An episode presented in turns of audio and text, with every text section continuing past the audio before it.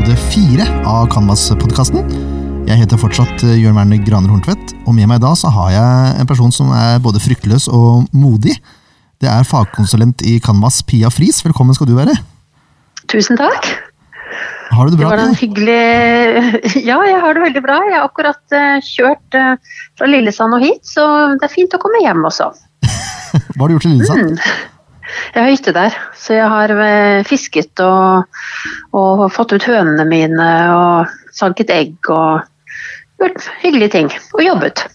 Så bra. I går hadde vi et webinar med Stine Sofies stiftelse Ja, fra Grimstad. Mm. Som, om det samme temaet som jeg skal snakke om nå. Eller vi skal snakke om. Mm. Eh. Så det var veldig gøy. Det er mitt første webinar. Jeg, for um, fem, seks, syv uker siden så visste ikke jeg hva det var. Så plutselig så er man der. At man står og holder foredrag eh, uten publikum, men eh, publikum i sine stuer og hjem. var det, Det var eh, annerledes? fem- det var veldig annerledes, fordi du har ikke noe publikum å se på. Du ser bare inn i en mikrofon. Mm. Så det var veldig annerledes. Og jeg holdt også da eh, Dette var jo hvordan vi kan hjelpe barn med skadelig seksuell atferd. Um, og jeg skulle ha det sammen med Harald Dien i Stine Sofies stiftelse, og han kjenner jeg jo ikke så godt, men det gikk veldig bra, det, altså. Så fint. Men det var altså over 1500 som hørte på. Oi. Ja. Det er mye. Ja, det er en del. Ja, det er mye, altså. Eh, 2000 hadde meldt seg på, 5000 hadde vært interesserte. eh, Og 1500 hørte på. eh, Og det kom inn over 60 spørsmål som vi må besvare. Vi besvarte noen på, på slutten av webinaret, og så skal vi besvare resten skriftlig. Så klart at via webinar så når man frem til veldig mange. Mm. Det er jo uten tvil. Hvor, hvor finner man dette hvis man er interessert i å se det på nytt, f.eks.? Det finner man på Stine Sofies stiftelse og på YouTube. Uh, ja, så det, det kan alle gå inn og lytte på i, i etterkant. Ja. De har ti webinarer eh, som de lager nå. Dette var vel den tredje, tror jeg. Ja. Som de nå har fått midler til å lansere sånn i, i koronatider. Alt skjer jo i disse koronatider. Mm. Mm. Eh, Du har vært litt inne på allerede. Dagens tema det er jo hovedsakelig verktøyet Snakk med barn. Ja. Kan, kan du fortelle kort om eh, hvordan dette kom i stand, og hva det er for noe? Altså Snakk med barn er jo et metodisk verktøy for at barnehagene skal ha noe å, si, å holde i hånden når de skal begynne å jobbe med dette temaet.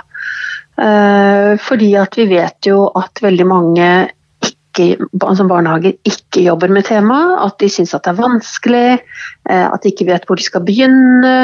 Eh, Så, så derfor så tenkte vi eh, i Canvas kompetanse ut den ideen at vi ville søke Helsedirektoratet om å få midler til å utvikle et metodisk verktøy som kunne være gratis for alle barnehager i hele Norge. Eh, og det fikk vi heldigvis. eh, slik at eh, det verktøyet Da satte vi ned en gruppe av eh, en barnehagelærer fra Betta Thorsen og en fra Tenkeren. eh, og en fra Kjekstadmarka. Eh, og så var det en daglig leder fra Karisletta, og så en daglig leder fra i Levanger på Ruffen.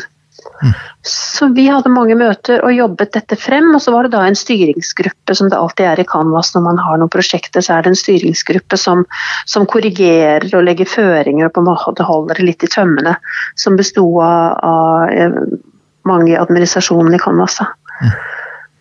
Så i juni i fjor så ble det verktøyet ferdig, og da eh, hadde vi mye diskusjoner om hva navnet skulle være, men eh, vi landet på at det skal hete 'Snakk med barn' fordi at vi tror at vi snakker med barn. Og vi gjør jo det, men vi snakker ikke med barn om det som er vanskelig. Vi snakker ikke med barn om kropp og seksualitet, vi snakker ikke med barn om hva overgrep er, vi snakker ikke med barn om hva voksne ikke har lov til å gjøre med barn. Eh, vi gir ikke barna Når vi har tema om kroppen, så hopper vi over kjønnsorganene, ikke sant. Vi snakker om alt, alt andre rundt kroppen, akkurat som om ikke vi har noen tisser, men det har vi jo.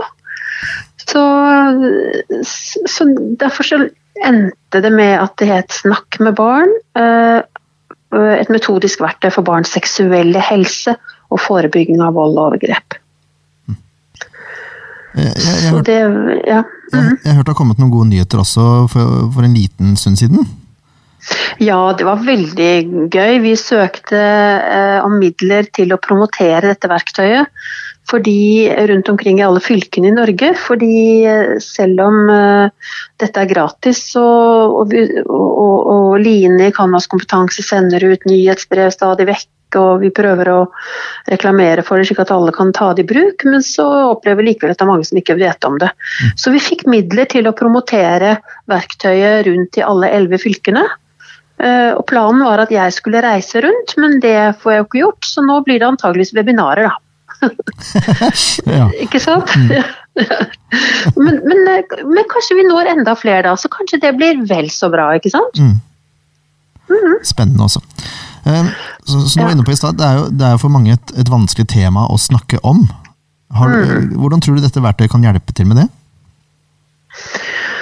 Altså, vi håper jo at eh, nettopp fordi at det er konkret, og at vi prøver å si noe om at eh, dette dreier seg ikke om din egen personlige seksualitet eller dine egne holdninger til dette.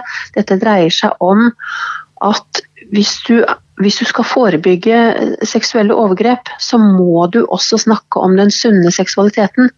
Du kan ikke, eh, du kan ikke liksom begynne rett på å snakke med barn om gode og vonde hemmeligheter og, lovlige, og ulovlige berøringer. Du må opparbeide eh, slik at barna får et trygt og positivt forhold til egen kropp og egen seksualitet. Og du må skape, ikke minst, du må skape et miljø i barnehagene hvor barna føler at her går det an å snakke snakke om og spørre og leke. Ikke sant? Mm. Her er det lov. Altså, sånn som i Bjerkalen, da, hvor jeg begynte dette arbeidet for over 20 år siden, så er det fortsatt sånn at i den barnehagen så vet barna at de får lov til å, å, å leke doktorleke, de får lov til å være nakne noen ganger, ikke alltid, men noen ganger. De blir ikke flaue, de blir ikke skamfulle, og da tør de også å fortelle.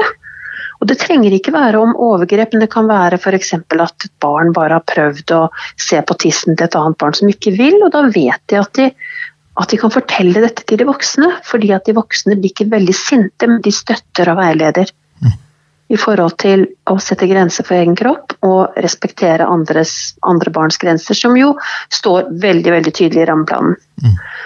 Uh, slik at det, det, det, er det som er viktig at folk oppfatter den sammenhengen. At når du skaper dette klimaet hvor barn vet at det er lov Det er lov å ta på tissen sin, det er lov å utforske, det er lov å leke, det er lov å spørre spørsmål.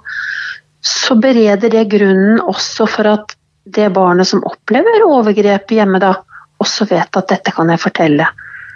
Fordi barn, Det er alltid vanskelig for barn å fortelle, men, eh, men eh, overgrep er, er, forbundet med trusler og skam og, og skyldfølelse. Mm. Så da lager vi terskelen litt lavere for at barn kan greie å fortelle. Eh, på internettet ligger jo dette verktøyet klart til bruk. Mm. Der er det også noen spørsmål man skal svare på som er ganske personlige. Hvorfor er det viktig mm. at man reflekterer over disse spørsmålene, syns du? Jo, det er fordi at, eh, at vi har kanskje en berøringsangst for dette temaet fordi at vi syns at det er personlig. Eh, og vi tenker, at, uh, voksen, vi tenker at seksualitet er noe som tilhører voksenverdenen. Men vi må vite at barn har seksuelle følelser. Helt fra fosterstadiet så har de seksuelle følelser. Og da er vi nødt for å gjøre en liten reise gjennom, gjennom oss selv ved å tenke hva er det jeg syns er vanskelig, hva er det jeg syns er veldig tabu, hva er det jeg syns er flaut. Og Hvis man syns at alle de tingene er flaut, så må man på en måte gjøre en liten refleksjonsoppgave med seg selv. Da. Det er vi også pliktig til i forhold til rammeplanen og selvreflekterende, systematisk selvreflekterende øvelser. Mm. Uh, slik at man greier å snakke med barn om dette. Hvis, man, hvis vi ikke tar disse personlige spørsmålene, så vil vi kanskje umiddelbart bare si nei, dere får ikke lov til å dekke doktorleker, eller nei, må ta på dere klærne hvis det er noen som begynner å ta på tissen til hverandre, eller leke rumpelek som barn kan finne på å gjøre, eller sånn, så, så blir man litt eh, spontan ut fra sine egne holdninger. Mm. Så det er derfor, eh, ikke fordi at vi skal være private med barna, men for at vi skal gjøre en refleksjon rundt det som vi selv syns er vanskelig, da, slik at vi kan møte og forstå barnas seksualitet på best mulig måte. Profesjonell måte. Mm. Hvem, er, hvem er det tenkt man skal dele dette med? For det kan jo også være litt vanskelig sikkert for noen. Altså, Man kan jo begynne i det små. Hvis man syns det er fryktelig vanskelig, så kan man begynne på avdelingsmøte eller teammøtet sitt. Man kan begynne på personalmøte i små grupper. Eh, det, man kan begynne med bare én kollega hvis man syns det er veldig vanskelig. Eh, og så blir det jo mindre og mindre vanskelig etter hvert. Mm. Eh, jeg vet jo det med personalgrupper.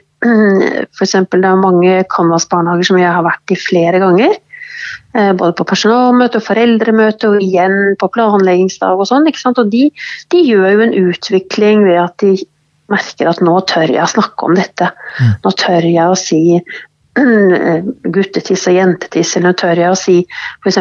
bare å si Vi sier jo i verktøyet at vi må lære barn eh, at en baby, eh, når barna spør vet du, sant, hvordan kommer babyen ut av magen Hvis det er noen som er gravide i, i barnehagen, eller en mor som er gravid, eller noe sånt, så ja, det kommer ut av tissen, pleier vi å si. ikke sant? Mm.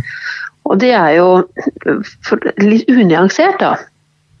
Ikke sant? Det er ikke direkte feil, men kanskje litt unyansert. Altså, babyen kommer jo ut av skjeden eller vaginaen. Eh, man skal si enten skjede eller vagina. Og Bare det å si det er så vanskelig for mange. Ikke sant? Mm. Og hvorfor er det så mye vanskeligere å si en øre eller nese eller stortå? Ikke vet jeg, men altså, dette er jo tabu, ikke sant? Tør du å si skjede?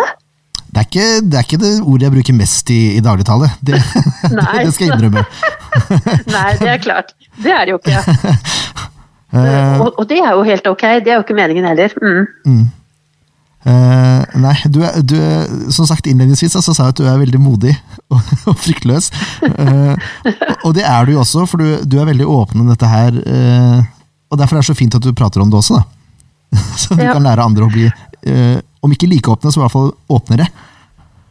Ja, ikke sant. Og, og, og, det er jo nettopp det som er poenget. Det er ikke meningen at vi skal gå rundt og blamere eller, eller liksom være sånn eh, veldig kjepphøyde på dette. Det er at vi skal ha et avslappet og naturlig forhold til, eh, til hele kroppen. Eh, ikke sant? Mm. Slik at barna For barna har jo ikke disse fordommene. Ikke sant? Det er jo vi voksne som har det. Barna syns jo at eh, Eh, det var en som fortalte det, hvem var det? En i Canvas fortalte det at han lærte barnet sitt da hva, hva fordi at vi, vi, sier jo i verktøyet at eh, når barna er tre-fire år, så blir de opptatt av gutter og jenter, og så kan vi si guttetiss og jentetiss.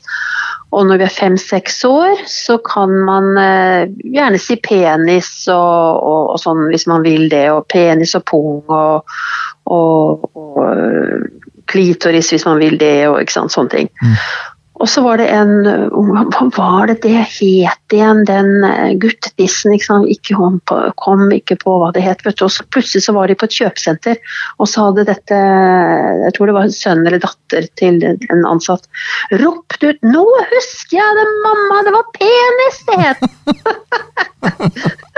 og det kan jo selvfølgelig være litt pinlig at barnet gjør det, men fra barnets perspektiv så er det jo ikke pinlig, for de har jo ikke disse eh, fordommene som vi har, ikke sant. Nei. så det er jo derfor ja. Ja. Så, så, så, lærer de seg jo det etter hvert, at man, man uh, sier ikke det ut på et kjøpesenter. Men, men, uh, men, det har jo heller ikke noe skambelagt ord. Nei, nei, nei. nei mm. Jeg syns ikke det heller. Nei.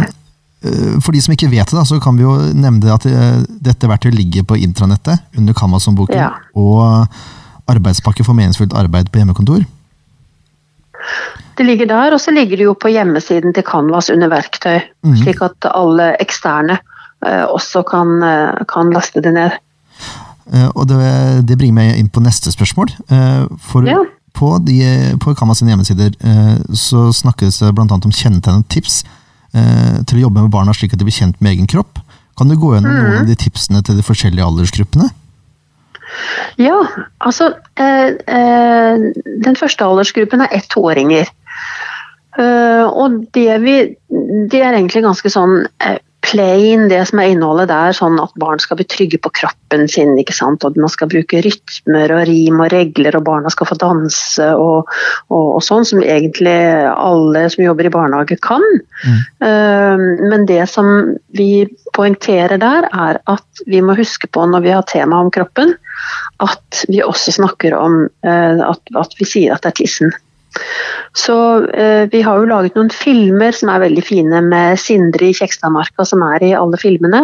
Mm. Hvor han snakker om at når man har en ett-toåring på stellebordet, så tar de seg jo gjerne på tissen, ikke sant. Så da må man si at det er, det er tissen din. Mm. Det gjør vi ofte ikke, ikke sant. Vi sier liksom der er stortåa di og der er navlen din og sånn.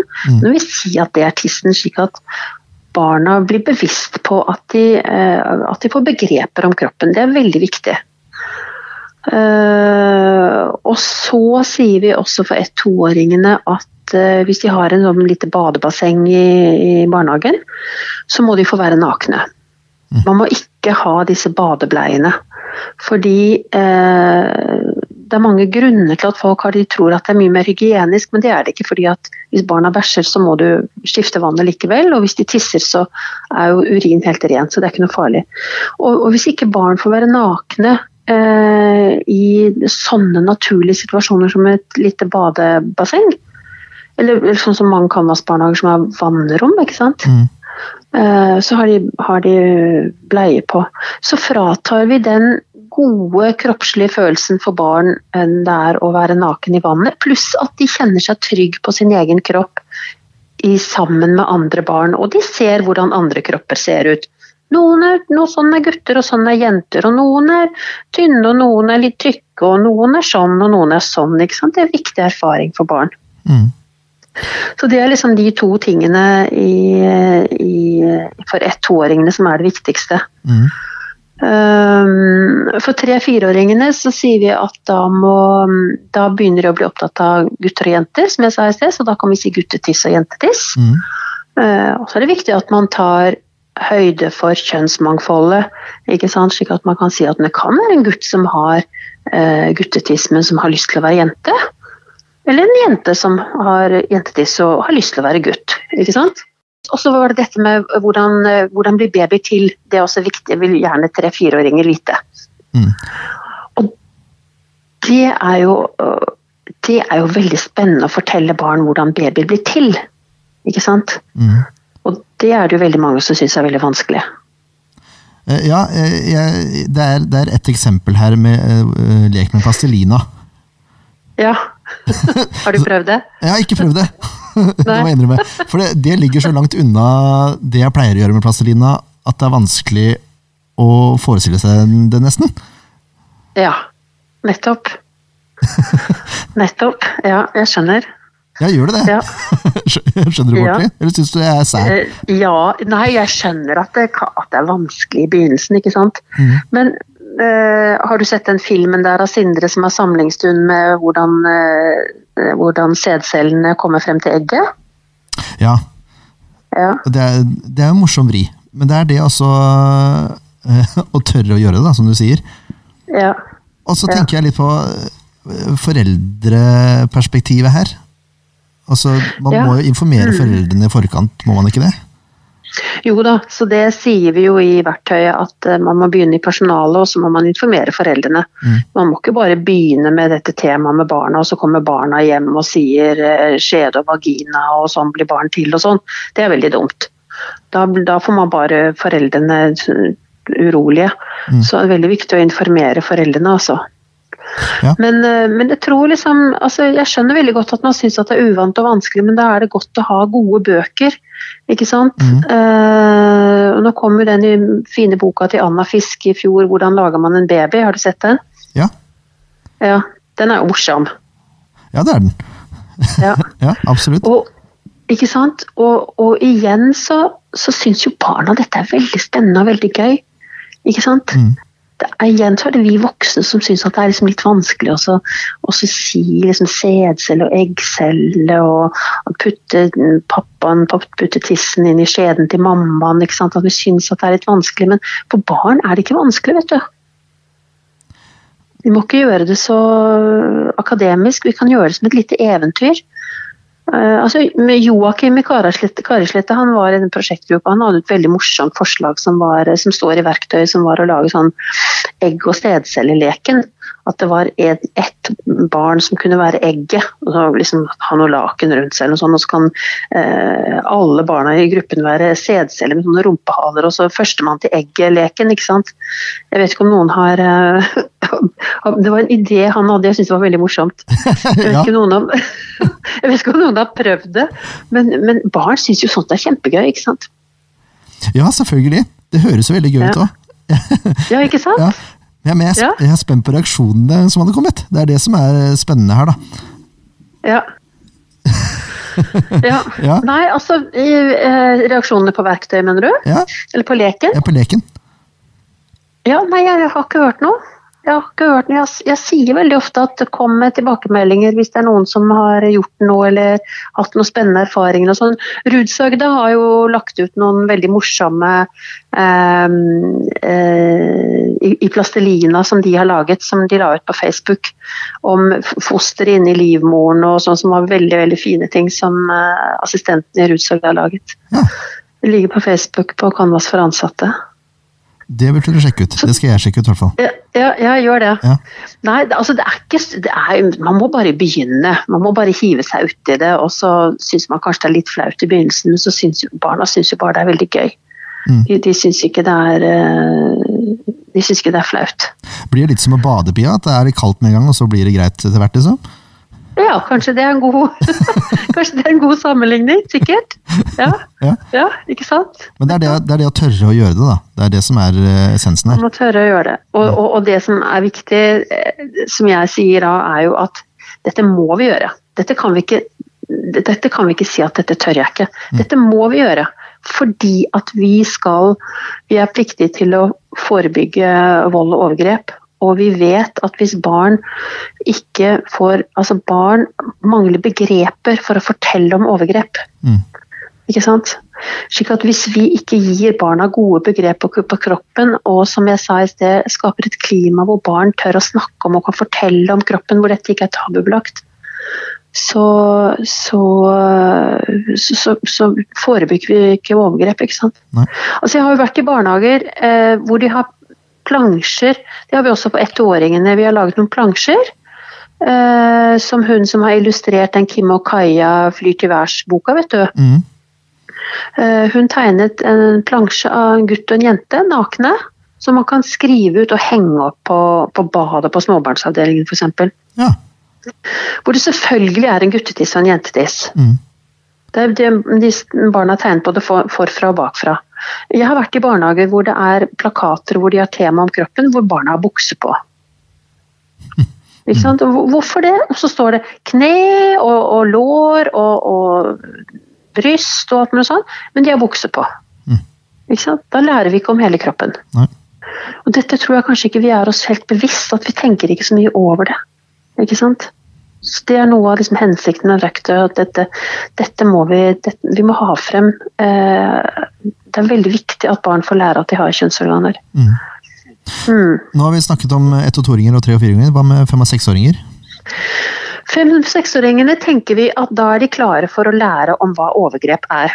Mm. Eh, vi tenker at barn under eh, den aldersgruppen har litt uh, vanskelighet for å skille mellom fantasi og virkelighet, så det kan kanskje være litt tidlig å begynne med det med tre-fireåringer.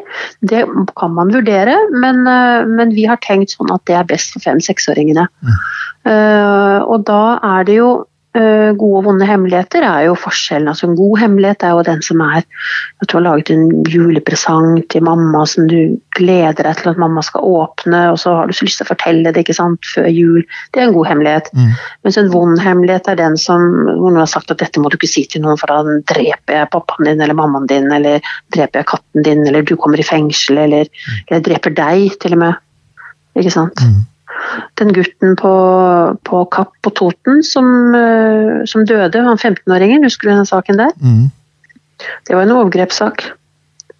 Da hadde øh, den gutten fortalt om overgrepene til moren, og så hadde moren konfrontert faren med det, og faren drepte sønnen sin. Du vet at det er så jævlig at, eh, at vi, vi, vi, vi, vi greier ikke å fatte det. Nei. Nei, nei, jeg gjør ikke det. Nei, så, så det, men, men, det er virkeligheten, ikke sant? Mm. Det er virkeligheten. Så det er dette vi må ta inn over oss. Uh, og så skal vi lære barn da om, om gode og vonde hemmeligheter, og nei, om gode og vonde berøring, nei, lovlige og ulovlige berøringer. Mm. Og det som er viktig her, er jo at barn skal lære at det er ikke lov, det står i Norges lover, det er ikke lov for voksne å ta og kose på barns tiss. Det er ikke lov at eh, barn skal kose med, med voksnes tiss, eller voksne skal kose med barns tiss. Det er ikke lov, det står i Norges lover. Mm. Og Hvis det er noen som, voksne som gjør det likevel, så later de som om de ikke vet det. Ikke sant? Mm. Og, og, barn vet jo ikke om Norges lover, de. Nei. Og, du, ikke sant? Og, du, og barn tror jo at voksne har rett. Og barn som er utsatt for overgrep, tror at det er sånn det skal være. Sånn har sikkert alle andre det i familien sin også, eller, eller hos onkel eller hos bestemor, eller hvor det er overgrepene foregår. De mm. tror at det er normalt. Barn som er utsatt for overgrep av foreldrene sine, som jo faktisk er eh, største delen av overgrep, tror at det er sånn foreldre skal være. De tror det er sånn alle barn har det. Ikke sant? Så, så, vi må lære barn at det er ikke lov. Og Derfor så heter det ulovlige eh, og, og lovlig berøring. Det heter ikke gode og vonde. Fordi, tro det eller vei, barn kan også synes at overgrep er godt. Ja. Barn kan få orgasme under overgrep, så vi kan ikke si at det er gode og vonde.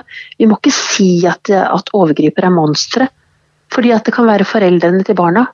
Og barna er glad i sine foreldre også, selv om de også er overgripere. ikke sant? Mm. Så dette må vi også vite. Og disse barna har vi i barnehagene, ikke sant? Det er, det er, det er tøffe saker. Ja, det er det. det. Det er veldig tøffe saker. Det, og det er derfor det er så veldig viktig at vi snakker med barn om dette. Mm. ikke sant?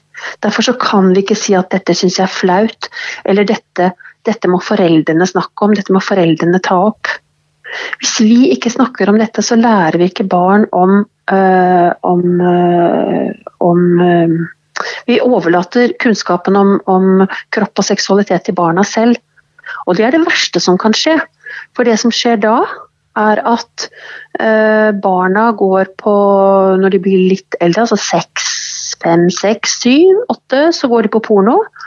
Og så finner de kunnskapen om seksualitet der, og det er jo ikke sånn det er i virkeligheten, det vet vi jo. Mm. Og så forgriper de seg kanskje på noen barn i skolen fordi at, vi, eh, fordi at de, vil, eh, de, har sett noe på porno som de vil undersøke. Ikke sant? Mm. De har aldri sett en tiss før, for de har aldri vært nakne. Aldri sett en jentetiss. Men nå har de sett det på porno, så har de veldig lyst til å se hvordan det ser ut i virkeligheten. Så de tvinger dem på do på skolen. Det er veldig stor andel av overgrep blant barn, mellom barn, i skolealderen. Veldig høy andel, jeg tror det er en tredjedel eller noe sånt. Så, så, så, så, dette forebygger vi også ved at vi gir barna kunnskaper om kropp og seksualitet i barnehagen. Ved at de, da forebygger vi at de forgriper seg på hverandre i, i, i barnehagen. Nei, i, i skolealderen, mener jeg. I skolealderen, ja. I skolealderen. Og så er det én ting til også som er innmari viktig. Mm. Og det er at når barn eh, Det er det vi snakket om i går på det webinaret i går. Eh, det er noe, det er noe som er sunn, normal, fin seksuell lek. Og så er det noe som er grenseoverskridende og problematisk seksuell atferd. Og så er det noe som er skadelig atferd. Mm. Det er noe som heter trafikklyset, som er utarbeidet av Helsedirektoratet. Som man, er også et verktøy man kan bruke for å identifisere seksuell lek. Og når, når uh, barna er i den gule, altså den skadelige seksuelle atferden som kan være f.eks. at et barn leker doktorlek, to barn leker doktorlek, og så er det én som har lyst til å putte en pinne opp i rumpa på kompisen for å se, liksom prøve å stikke den. ikke sant? Mm. Det er ikke ondsinnet, men det er skadelig for, uh, for barnet. ikke sant? Mm. Eh, og det er en skadelig, eh, det er en grenseoverskridende problematisk atferd som det er veldig viktig at de voksne griper inn og korrigerer og veileder barna. At det kan du ikke gjøre. Du kan, du kan eh, leke doktor, og du kan se på, på, rumpa til kompisen din og ta på den hvis, han, hvis, kompisen din vil det, men du må ikke stikke noe inn. Ikke sant? Mm. Men hvis ikke vi voksne er der da og handler og veileder og støtter barna, så lærer de jo ikke dette. Men det som vi må vite, er at det barnet er ikke en overgriper. Ikke sant? Det er mange som kaller det for overgrep. Barn i barnehagealder er ikke overgripere. Vi sier ikke at barn som slår, er voldsutøvere. Ikke sant? Nei. Og da må vi ikke si at de er overgripere, men det, det begynner, foreldre begynner å gjøre det. Dette er overgrep, sier de. Det, det kan være en overgrepshandling, men barnet er ikke en overgriper. Nei, ikke sant? Mm. Nei. Så for dette barnet her som gjør dette, uh, skal ikke få det stempelet på seg som femåring. Ikke sant? Mm. Det er veldig alvorlig. Og for foreldrene til dette barnet. Tenk mm. hvis du var forelder til et barn, og så ringer en daglig leder og sier at ditt barn er, er, er en overgriper. Det er jo forferdelig. Mm. Så det er mye vi skal vite, altså. Det er mye vi må ta hensyn til. Absolutt. Uh, det var en bra overgang igjen, Pia. Et av de viktigste elementene ja. verktøyet er jo å kunne kjenne igjen tegn til at barn blir misbrukt. Kan du nevne noen mm. typiske kjennetegn? Altså, det aller viktigste er jo at barnet endrer atferd. Eh, fordi at det kan være en lang liste med kjennetegn, men når barnet endrer atferd, så må vi spørre oss hva er det barnet prøver å fortelle oss. Mm. Eh, det kan endre atferd ved at det plutselig blir veldig stille. Det kan bli aggressivt og utagerende, det kan begynne å tisse på seg, eh, det kan bli veldig klengete eller ikke vil ha fysisk kontakt, det kan miste søvnen, eh, ikke vil hvile, noen matvarer det ikke vil spise, ikke vil pusse tenner. Det er en veldig, veldig lang liste. Mm. Og eh, da når vi i barnehagen jobber med barn, da må vi sette oss ned og spørre hva er det dette barnet prøver å fortelle. Hva har skjedd? Har venner i barnehagen? Har pappa eh, gått fra familien og blitt borte? Er bestefar død? Har mor og far eh, gått fra hverandre uten at barnehagen har fått vite det? Eh, har, de, har, de, ikke noen venner i barnehagen? Er det en ansatt som de er glad i, som har sluttet? Altså, det kan være så mange ting sant? Mm. som gjør at barn reagerer. Og så må vi begynne å nøste. Og så må vi se kanskje Kanskje det er omsorgssvikt hjemme. Mm. Ikke sant? Men det er liksom ikke så enkelt at det er liksom Det er det. Selv om vi vet at barnet som er i den røde sonen i den skadelige seksuelle atferden, eh, en tredjedel av barn som, for, um, som utsetter andre barn for overgrep, uh, er utsatt for overgrep selv. Mm. Men de barna som har den skadelige seksuelle atferden, den, den, er mer sånn aggressiv og, og sint og veldig, veldig, pågående, tvinger andre barn, eh, presser seg på. Eh, den er liksom ikke den gledesfylte fnis-fnis, eh, eh, gjensidige leken. Det er ulikhet i alder også i den, den, den skadelige seksuelle atferden. Mm. Da er det kanskje tvinger helt små barn til å være med på det. Liksom. Ja. Mm. Eh, så hvis, hvis, du får du får et barn da, som sier noe til deg som du du mener skaper mistanke. Hva er det man skal gjøre mm. da? Ja, det er veldig viktig. Og, og, det er så viktig at alle ansatte i barnehagen, også vikarer, eh, er forberedt på hva barn kan fortelle. Fordi barn velger seg ut eh, den som de har tillit til. Det trenger ikke være den barnehagelæreren med mest kompetanse på barns seksualitet og forebygging av vold og overgrep. Det kan være en tilfeldig student eller en, sant? Det vet vi jo, barn kan liksom å, ja, Da blir de plutselig veldig glade i en ansatt, ikke sant? uten at vi kan helt forstå hvorfor. Så hvis, barn, hvis barnet f.eks.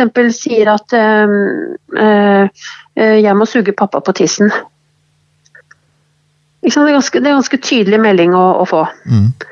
Uh, da må den ansatte vite hva han skal svare, og da skal du svare uh, ja vel, uh, må du suge pappa på tissen? Eh, det var fint at du fortalte meg.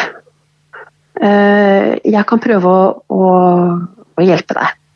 Men jeg skal, eh, hvis jeg skal hjelpe deg, så kan jeg snakke med barnehagelæreren eller snakke med, med daglig leder. Da sier man jo navnet, ikke sant. Så kan vi prøve å hjelpe deg. Ikke sant?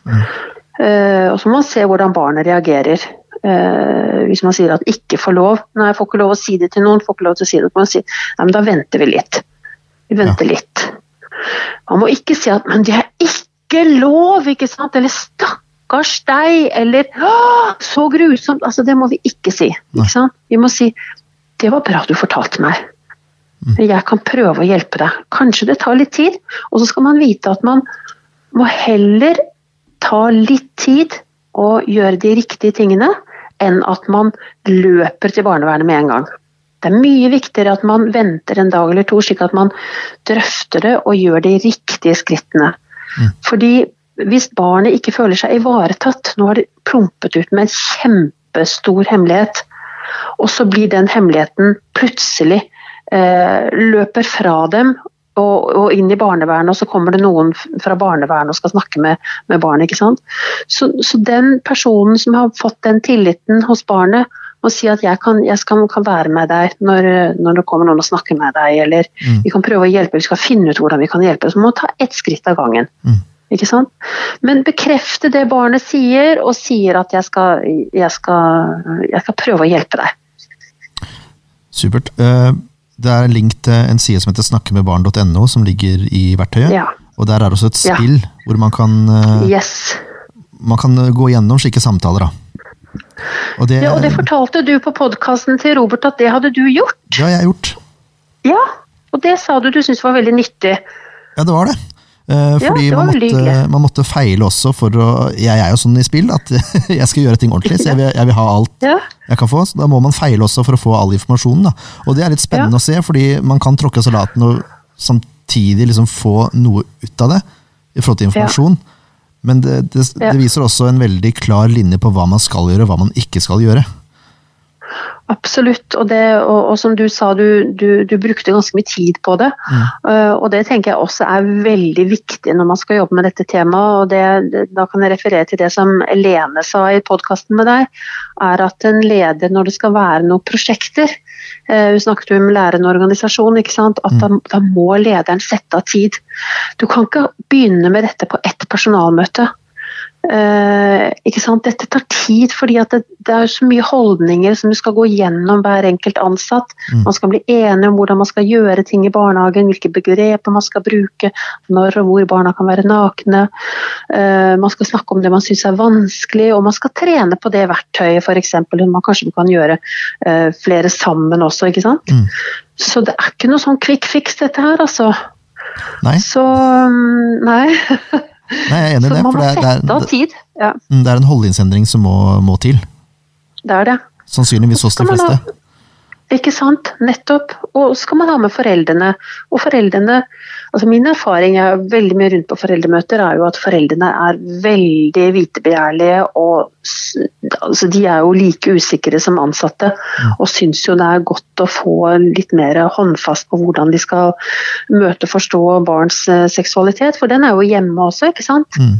Og, og, og stort sett så er jo foreldrene veldig positive og syns at det er veldig bra at, at barnehagene jobber med dette her. Så, så man skal ikke være så redd for, eh, for foreldrene. Men, men det tar jo også tid, da.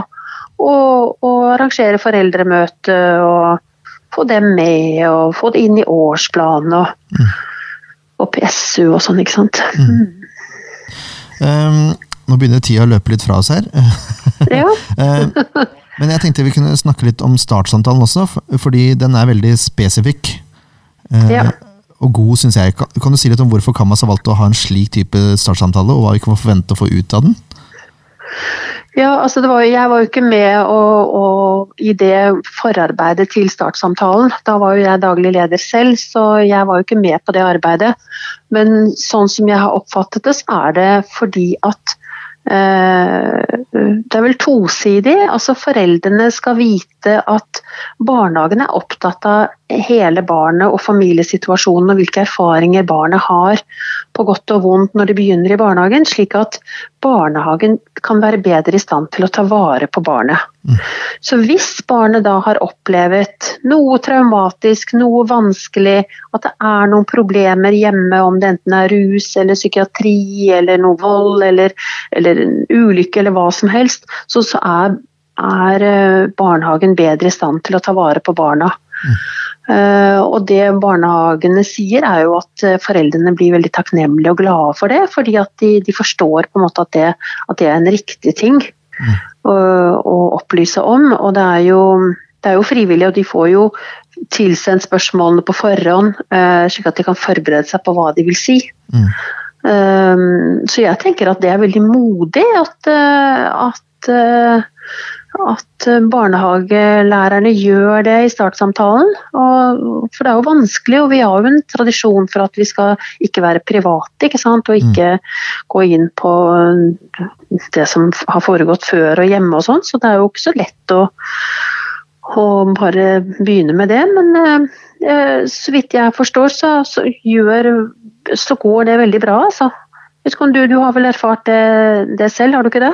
Jo da, jeg har hatt uh, mm. mange startsamtaler, egentlig. Jeg opplever ja. det sånn som du sier, at uh, de setter pris på at vi spør, for de skjønner det at da vi, det er barnet vi tenker på vi ivareta. Ikke sant? Mm. Det er jo ikke fordi man er nysgjerrig. Nei, eller jo, man er jo det òg, men, men det, er ja, å, ja. det, er ikke for å grave i privatlivet, på en måte. Det er jo for Nei, å vite det man kan om barnet. Nettopp. Mm. Ja. Mm, så bra. Eh, ja, mm. vi må begynne å runde av litt, Pia. Eh, kan ja. vi oppsummere? Hva, hva, er det som er ekstra viktig å tenke på når det gjelder å snakke med barn? Eh, jeg tror jeg vil si det som jeg sa innledningsvis, at eh, vi må vite at vi må jobbe med den positive og sunne seksualiteten og kunne se sammenhengen, at det har en sammenheng med overgrep. Og forebygge overgrep, mener jeg, slik at barna blir i stand til å og, kunne formidle og ha begreper eh, for å formidle. Mm. Jeg tror kanskje det er det viktigste, og da er vi nødt for å gå den, den lille turen om oss selv. Fordi eh, jeg tror at veldig mange eh, barnehageansatte og foreldre og alle har en berøringsangst i forhold til dette fordi at fordi at det er så personlig. Vi, og, og, seksualitet er jo personlig, det er jo ikke noe man går ut og snakker med Sitter jo ikke i lunsjen og snakker om seksualiteten sin, ikke sant. Nei. Det er jo liksom helt, helt, Det skal vi jo ikke gjøre, det er jo ikke dit vi vil. Nei. Så det, er derfor det er så vanskelig, ikke sant. Mm. Eh, men, men vi er likevel nødt for å gjøre det, ikke sant. Og det er jo ikke oss selv vi skal snakke men det er, for å legge forholdene eh, Skape dette gode klimaet hvor barna eh, For barna, barna er Barna er nysgjerrige. Det er det vi må vite. Barna er fordomsfrie, og barna er nysgjerrige. De vil vite, og de vil lære. Mm. Mm. Og så er det jo teknisk sett anatomilære da, som vi holder på med. Ja, det er det jo også. Helt klart. Ja. Det er helt klart det er det. Mm. Fint. Ja, jeg håper mm. folk nå fikk litt ut av det her og tenker at ikke det er så farlig. Ja, og at enda flere bruker det. Nå skal jo alle Canvas-barnehagene eh, ta det i bruk innen 2022. Men mm. eh, da kanskje det, kanskje ikke det blir noe bøyg. Hvis det har vært bøyg for noe, det hadde jo vært veldig hyggelig. Absolutt. Og så, Jeg skulle jo vært i mange barnehager, Canvas-barnehager nå og fremover, men eh, vi skal prøve å lage webinarer da, også til eh, Canvas-barnehagene. Mm.